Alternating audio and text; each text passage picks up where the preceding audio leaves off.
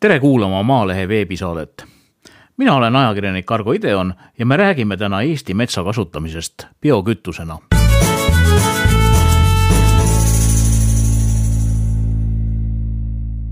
meil on täna külas Eesti Taastuvenergia Koja juhataja Mihkel Annus. tere! ja Eesti Erametsaliidu juhatuse esimees Ando Eelmaa. ja tere minu poolt ka. me räägime täna sellisest põnevast asjast nagu bioenergeetika veidi lihtsustades käib see teema selle kohta, kas põletada Eestis energia saamiseks puitu või kui me ei taha puitu põletada, siis millised oleksid alternatiivid ja muide ju puitu viiakse Eestist äh, põletamise eesmärgil ka välja, mis on viimasel ajal põhjustanud äh, suhteliselt palju isegi rahvusvahelist vastukaja. aga Ando Eelmaa, äh, kuidas teie vaatate selle peale, et pärast metsa langetamist läheb osa sellest põhimõtteliselt ahju? No puidu põletamine või üldse põletamine on äh, energia saamiseks äh, väga lollikindel viis, et seda on tehtud juba aegade algusest saati, selle, sellest ajast, kui inimene leiutas tule, oleme me selle abil energiat muundanud. ja ka puidu kasutamine on meil traditsiooniliselt olnud väga-väga levinud äh, viis energiat saada ja ka täna me ei näe seda võib-olla mõnes mõttes hea meelega isegi ka metsaomaniku lähtekohast, kuna puidu kasutus on äh, lõpp-põletamisel. ehk kui me põletame, siis on see puit lõplikult äh, sellest ähm, eluringist nagu väljas, kõik algab otsast peale. Ja see on ka võib-olla üks selle, kogu selle sektori üks, üks odavamaid tooteid, nii et sellepärast siin alguses ongi võib-olla hea õiendada üks väärarusaam, mis on hästi palju levinud, et kogu selles puidusektoris põletatakse palke ja läheb mingisugune hea puit põletamiseks.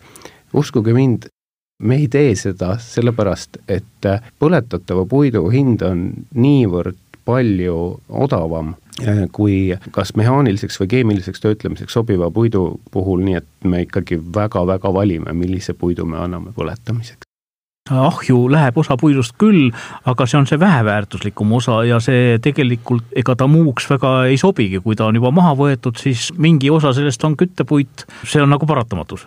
Loomulikult, kui me metsa majandame, kui me hooldame metsa, siis tuleb juba sealt äh, esimeste valgustus-harvendusraiete käigus päris palju sellist puitu, millel üldse mingisugust muud kasutust ei ole, see peenvõsa aga peale selle me ei ole suutnud ikka veel äh, aretada puid kasvama kandiliseks või silindrikujuliseks, ehk siis nad lähevad ikkagi otsast üsna peenikeseks ja seal on ka oksad, ladvad ja kui me tahame terve puu ära kasutada, siis on mõistlik ka need metsast välja tuua ja neil ei ole palju muud kasutust kui põletamine energia tootmiseks.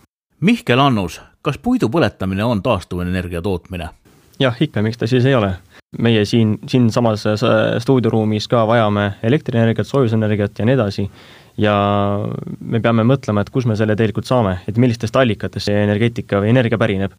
mida aeg edasi, me praegu näeme ka Euroopa tasandil Eestis väga selgelt, et äh, me peame liikuma fossiilsetest kütustest äh, eemal kaugemale, millestki, millestki muust energiat tootma kui fossiilsetest kütustest.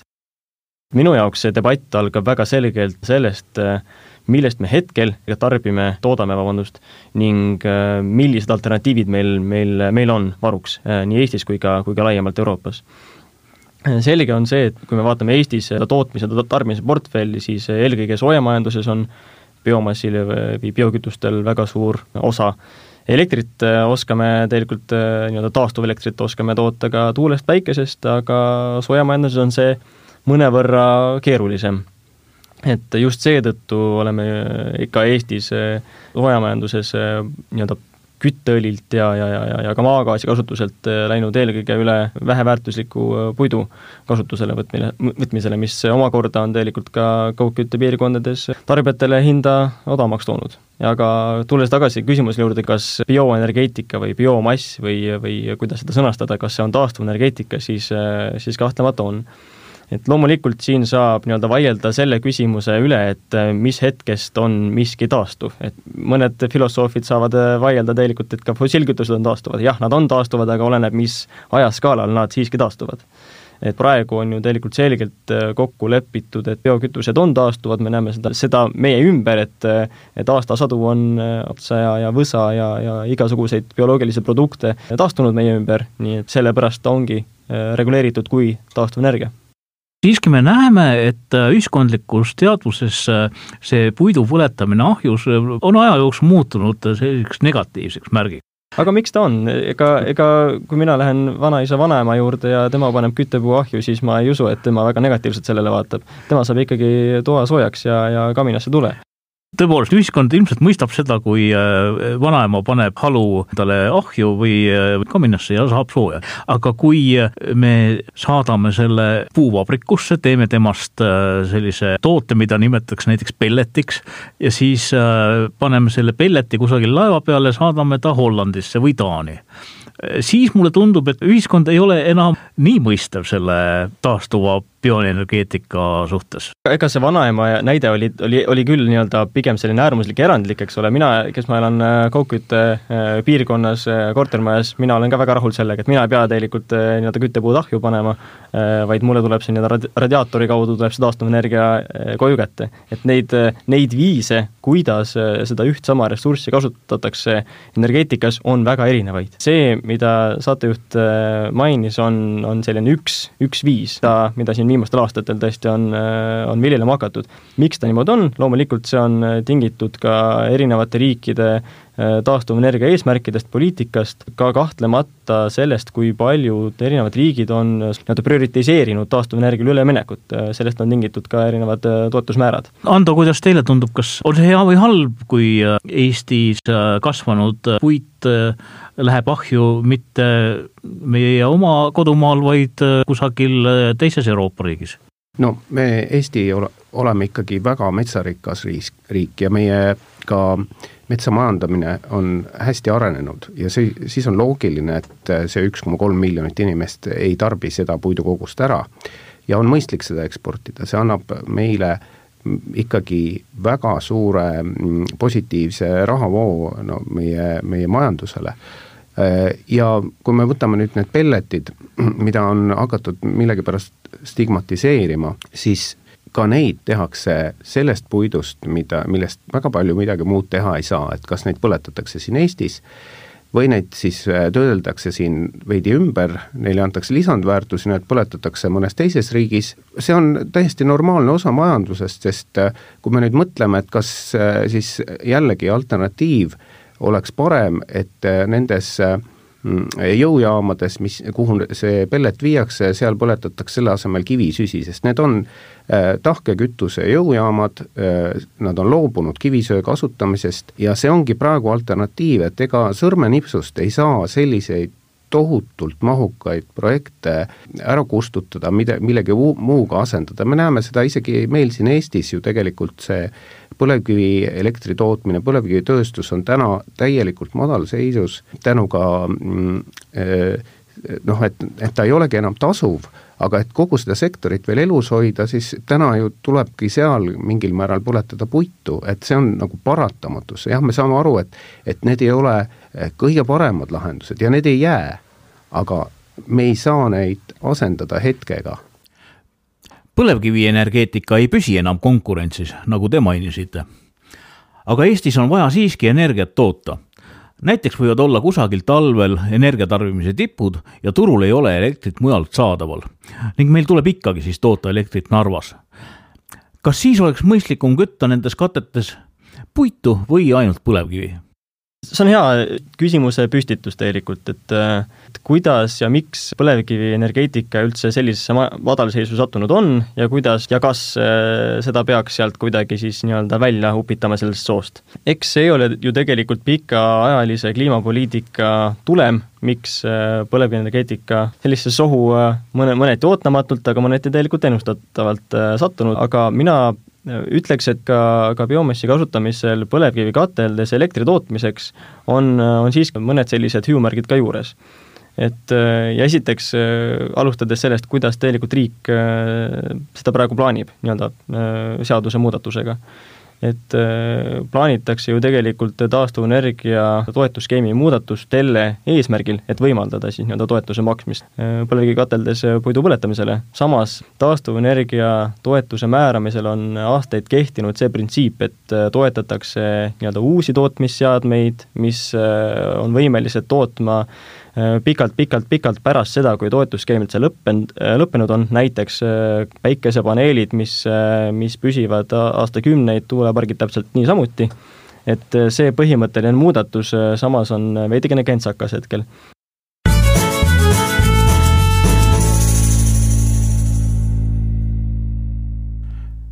Te kuulate Maalehe veebisaadet. saatejuht on Argo Ideon ja meil on külas Eesti Taastuvenergia Koja juhataja Mihkel Annus ning Eesti Erametsaliidu juhatuse esimees Ando Eelmaa. räägime sellest, kui mõistlik on Eesti metsas kasvanud puud energia saamiseks põletada. saime juba teada, et katlasse või ahju läheb väheväärtuslik puit, mida muuks otstarbeks pruukida väga võimalik ei olegi palju negatiivset vastuga tekitab aga see, et Eestis kasvanud puitu viiakse taastuvenergia tootmiseks ehk siis põletamiseks ka välismaale.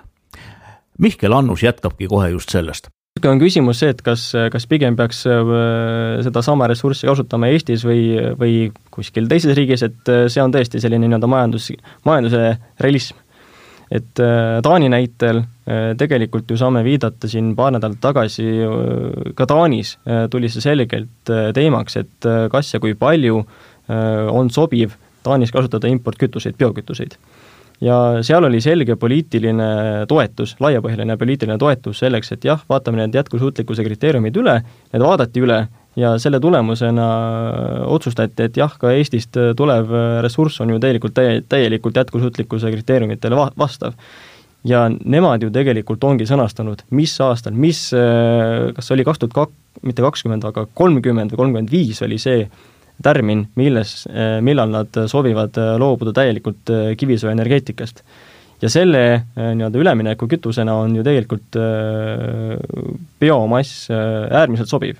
et Taani on tõesti eks ta ole ju üsna eesrindlik olnud nii tuuleenergeetika valdkonnas kui ka, kui ka samas me vaatame ka teisi valdkondi. et, et seal on, me vaatame Eestis kindlasti alt üles selle, selles osas, et kuidas nemad seavad endale tärmineid, mida meie ei suuda tegelikult endale panna. Nii, aga looduskaitsjad ütlevad, et näete, meie puit läheb ahju Taanis või Hollandis ja selle tõttu meie metsa võetakse maha, meil jääb metsa vähemaks ja varsti on Eesti metsast tühi. kui ma utreerin nüüd neid sõnumeid, mida olen kuulnud ja näinud aga minu meelest utreerida ei tasu, et mm. pigem vältida selliseid äärmuslikke, isegi kui, kui, kui öeldakse äärmuslikke selliseid äh, lauseid või, või, või märksõnu, siis äh, ma arvan, et ei tasu neid ka taastoota. et siin selles debatis on ju tegelikult väga palju nii-öelda halle varjundeid. ei tasu olla nii ühekülgne ja vaadata tõesti, mis on mingisuguste protsesside taga, et ma rääkisin siin tegelikult ka küttepuuna nii-öelda vanaemade ahjudes kasutatakse väga palju puitu, et see, see, see on tegelikult väga, väga mitmekesine ja väga arusaadavalt emotsionaalne, aga siiski äh, püüame, püüame ka siin saates tegelikult ju äh, sisustada seda üldrahvalikku teadmist. Ando Eelmaa, Erametsaliidu juhatuse esimees.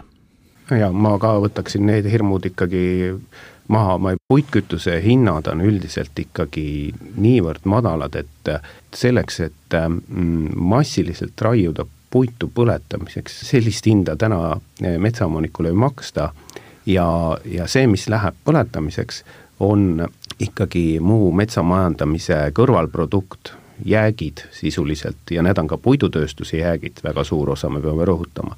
et tegelikult on ka puidu põletamine su-, väga suures osas taaskasutamine ja see on tegelikult, me võiks öelda, ka Eesti edulugu, et me väga-väga efektiivselt kasutame oma puidujääke. Teie mõte on tegelikult see, et kui ka oleks mõni selline paha inimene, kes tahaks kogu Eesti metsa ahju ajada, siis ta ei saaks seda teha, kuna majanduslikult see ei ole tasuv. siis ta peaks ikkagi väga-väga tugevalt üle turuhinna hakkama maksma kohe kohe-kohe väga mõjusalt ja ma ei usu, et see, see saaks olema niisama lihtsalt võimalik. Läheme siit nüüd korraks pausile ja tuleme tagasi mõne hetke pärast põlisest metsast saavad meie mõtted mõjujõu. puhastest allikaist tuleb sõnumite selgus. kõigest, mis kasvab, õitseb ja maitseb, leiab kosutust meie meel ja keel. nii sünnivad lood inimestest, kelle elu on Eestis ning juured sügavalt maas. räägime väärtustest, mis loevad. Maaleht jätkame siin Maalehe veebisaadet ja ma uurin külalistelt, kas teil on mingi ettekujutus ka sellest üle-euroopalisest energiapuidu turust? kui Holland või Taani veavad Eestist sisse põletamiseks puitu, siis me küll teame, et nendes maades oma metsa noh, peaaegu ei ole. aga ikkagi veidi paneb küsima, et tasub siis nii kaugelt seda puitu ahjupanekuks sisse vedada? no ma, see on ka mahukaup, et seda siis tuleb vedada laevadega, see on üks asi, aga teine asi, mis väga selgelt tulebki siin välja, et et ei saa öelda, et, et Lääne-Euroopas ei oleks metsa ja ei oleks puitu, ei oleks puidukasutust, aga mm, seal on tegelikult meie või siin ka laiemalt ütleme, Ida-Euroopa metsade ja nüüd selliste kuidas öelda, vanemate demokraatiatega ja Euroopa riikide mm, metsade seisund on hoopis teine, ehk siis äh, seal äh, ei ole selle, mm, selle küttepuu ehk selle kõrvalprodukti väljatulek üldse nii suur, et, et neil lihtsalt ei jätku seda puitu kütteks, nad saavad kasutada oma puitu palju kvaliteetsemateks toodeteks. Kui meie, et meil on ikkagi täna äh, erametsast äh, paraku see olukord, nad ise kasvanud, mitte kasvatatud metsad, äh, paratamatult on selle kogu sortimendist noh, praktiliselt tänagi veel nelikümmend protsenti ongi äh, põletamiseks sobiv puit, et ta ei sobigi mitte millekski muuks. aga uskuge mind, juba see, mida me nüüd kasvama paneme, see järgmise põlvkonna puit ja mida, mets ja mida me nüüd kasvatame, saab olema hoopis teistsugune, ehk siis see mm, küttepuu osakaal hakkab äh, järsult vähenema järgmise metsapõlvkonna juures ja eks äh, siin saab äh, veidikene inimesi ka lohutada selles, et et see pikaajaline plaan ei ole ju tegelikult kogu mets maha võtta ja energeetikas ära kasutada, et ka energiamajanduses ma juba nentisin, on pikaajalised protsessid käima lükatud ja käimas. niisamuti elektri tootmises ja ka sooja tootmises sooja tarbimises ja siin võib-olla on hea nagu ära märkida ka see, et äh, mida vähem me energiat tarbime, seda lihtsam on tegelikult ka ju äh, energiat toota. et seda vähem me peame nii-öelda ressurssi suunama energia tootmisele. ja äh, nagu see kuulus fraas käib, et mida kõige odavam energia on see, mida me tegelikult ära ei tarbi. ehk siis igasugused energiasäästule suunatud meetmed, olgu see siis nii-öelda kortermajade renoveerimine, tõhusamad äh, kaugküttevõrgud ja nii edasi, teiste tehnoloogiate kasutusele võtmine, äh, ka ringmajanduse mõttes, ma mõtlen heitsoojuse kasutusele võtmine, soojuspumpade kasutusele võtmine, ka, ka nii-öelda suures, suures mahus, mitte ainult lokaalses äh, kohtküttes et sellised äh, lahendused kokku kombineerituna vähendavad tegelikult seda pikaajalist äh, survet äh, ka, ka kasutada ühte, ühte kütust. et praegu me tõesti läheme nii-öelda fossiilkütustelt biokütustele, aga mis sealt edasi, see on palju sellisem varieeruvam ja tegelikult ka tõhusam pilt no sellega tõesti on raske vaielda, et energia säästmine on väga oluline ja et äh, see on äh, kindlasti ka looduskaitsjatele väga meelepärane tegevus, siis tõepoolest on vaja lihtsalt vähem võtta kas metsa maha või võtta maa seest fossiilsed kütused välja. aga kujutame nüüd ette, et äh, ütleme, homme me metsa noh, ei raiu või raiume nii palju vähem, et äh, sellest äh, põletamiseks puitu enam ei tule, mis oleks aseaine? arvatavasti siis kasvaks imporditud äh, fossiilse maagaasi kasutamine, et ma arvan, et see on praegu selline kõige, kõige primaarsem aseaine siis, kui, kui niimoodi küsida. ma ka lisaksin, et, et noh, päris nagu äh, elu ju kokku sellest ei kuku, et me, meil on mingisugused äh, asendused energia tootmisele, mis ei ole sugugi enam nii keskkonna- ja kliimasõbralikud, tõesti. Äh, noh, loomulikult arendatakse igasuguseid uusi väga moodsaid ja toredaid tehnoloogiaid, aga, aga see küsimus on ju selles mõttes ka laiem, et et äh, kui me räägime fossiilsest fossiilse kütuse asendamisest, aga me peaksime laiemalt ka rääkima fossiilse süsiniku asendamisest, ehk siis meie maailm baseerub süsinikule. ja, kogu fossiilne süsinik on vaja asendada ja siin on puidul äh, erakordselt suur roll, et, et see põletamine või energia tootmine on see puidu nagu see lõppstaadium, aga, aga seal enne veel, et me isegi ei tohiks äh, mõelda, me ei tohiks mängida selle mõttega, et me saame kuidagi puidu kasutusest loobuda, me ei tohiks seda, me peame just nägema seda vastupidi, kui Eesti võimalust selle rohepöörde eduloo sellist alussammast, et meil ei olegi teisi bioloogilisi ressursse, mille peale oma äh, uut majandust ehitada peale puidu. Te kuulasite Maalehe veebisaadet. suur tänu osalejatele, Eesti Taastuvenergia Koja juhataja Mihkel Annus ja Eesti Erametsaliidu juhatuse esimees Ando Eelmaa. suur tänu teile! aitäh! aitäh kutsumast! mina olen saatejuht Argo Ideon ja me kohtume juba mõnes järgmises Maalehe saates